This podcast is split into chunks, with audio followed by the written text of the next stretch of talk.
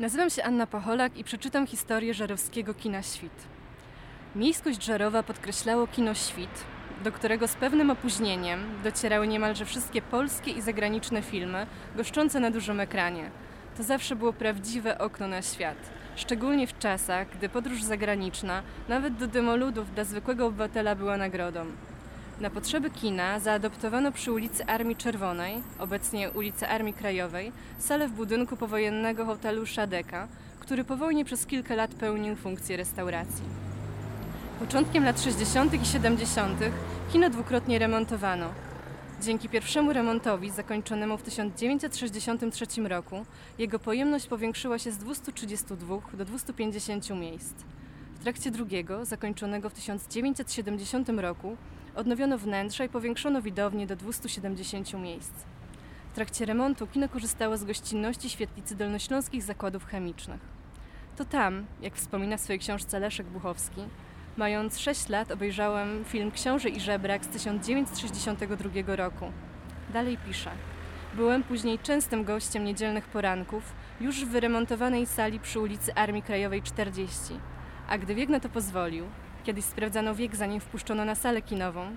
Obejrzałem wiele światowych hitów kinowych. Podobnie jak spora grupa moich rówieśników, nie opuszczałem również spektakli filmów ambitnych, które od początku lat 70. wyświetlano w ramach dyskusyjnego klubu filmowego DKF. Żarowskie kino ze względu na nierentowność oraz fatalne warunki techniczne zaprzestały działalności pod koniec lat 80. W latach 90. Żarowski Ośrodek Kultury kupił nowoczesny rzutnik wideo i uruchomił kino wideo. Projekt szybko upadł, ponieważ był to czas szybkiego rozwoju telewizji i szerokiej dostępności odtwarzaczy wideo oraz wielu wypożyczalni kaset, oferujących najnowszy repertuar filmów, co pozwalało na oglądanie filmów w domu.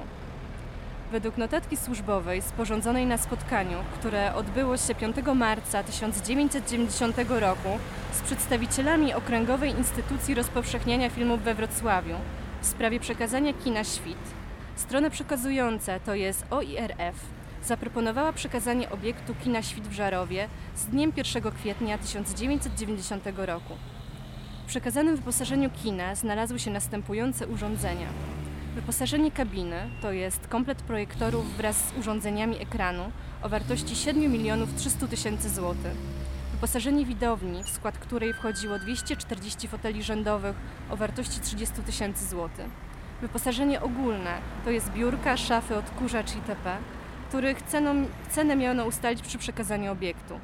Wyposażenie kotłowni to jest jeden kocioł wraz z instalacją całkowicie wyeksploatowaną.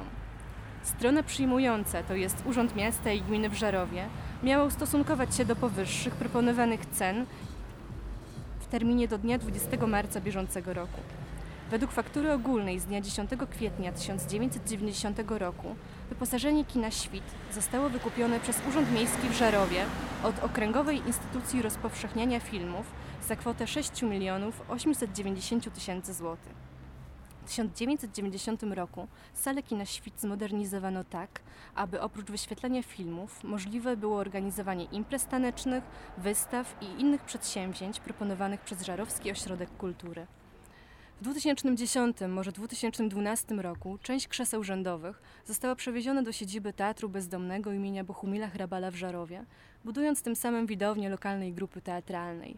Zdecydowana większość krzeseł została wywieziona na śmietnik – Najprawdopodobniej w 2013 roku wraz z kolegą zdemontowałem ekran kinowy, który o dziwo posiadał wszystkie mocowania naciągowe i był w dobrym stanie. Ekran do dziś wisi w hali sportowej Gminnego Centrum Kultury i Sportu w Żarowie. Dodaje do opowieści Tomasz Nycz.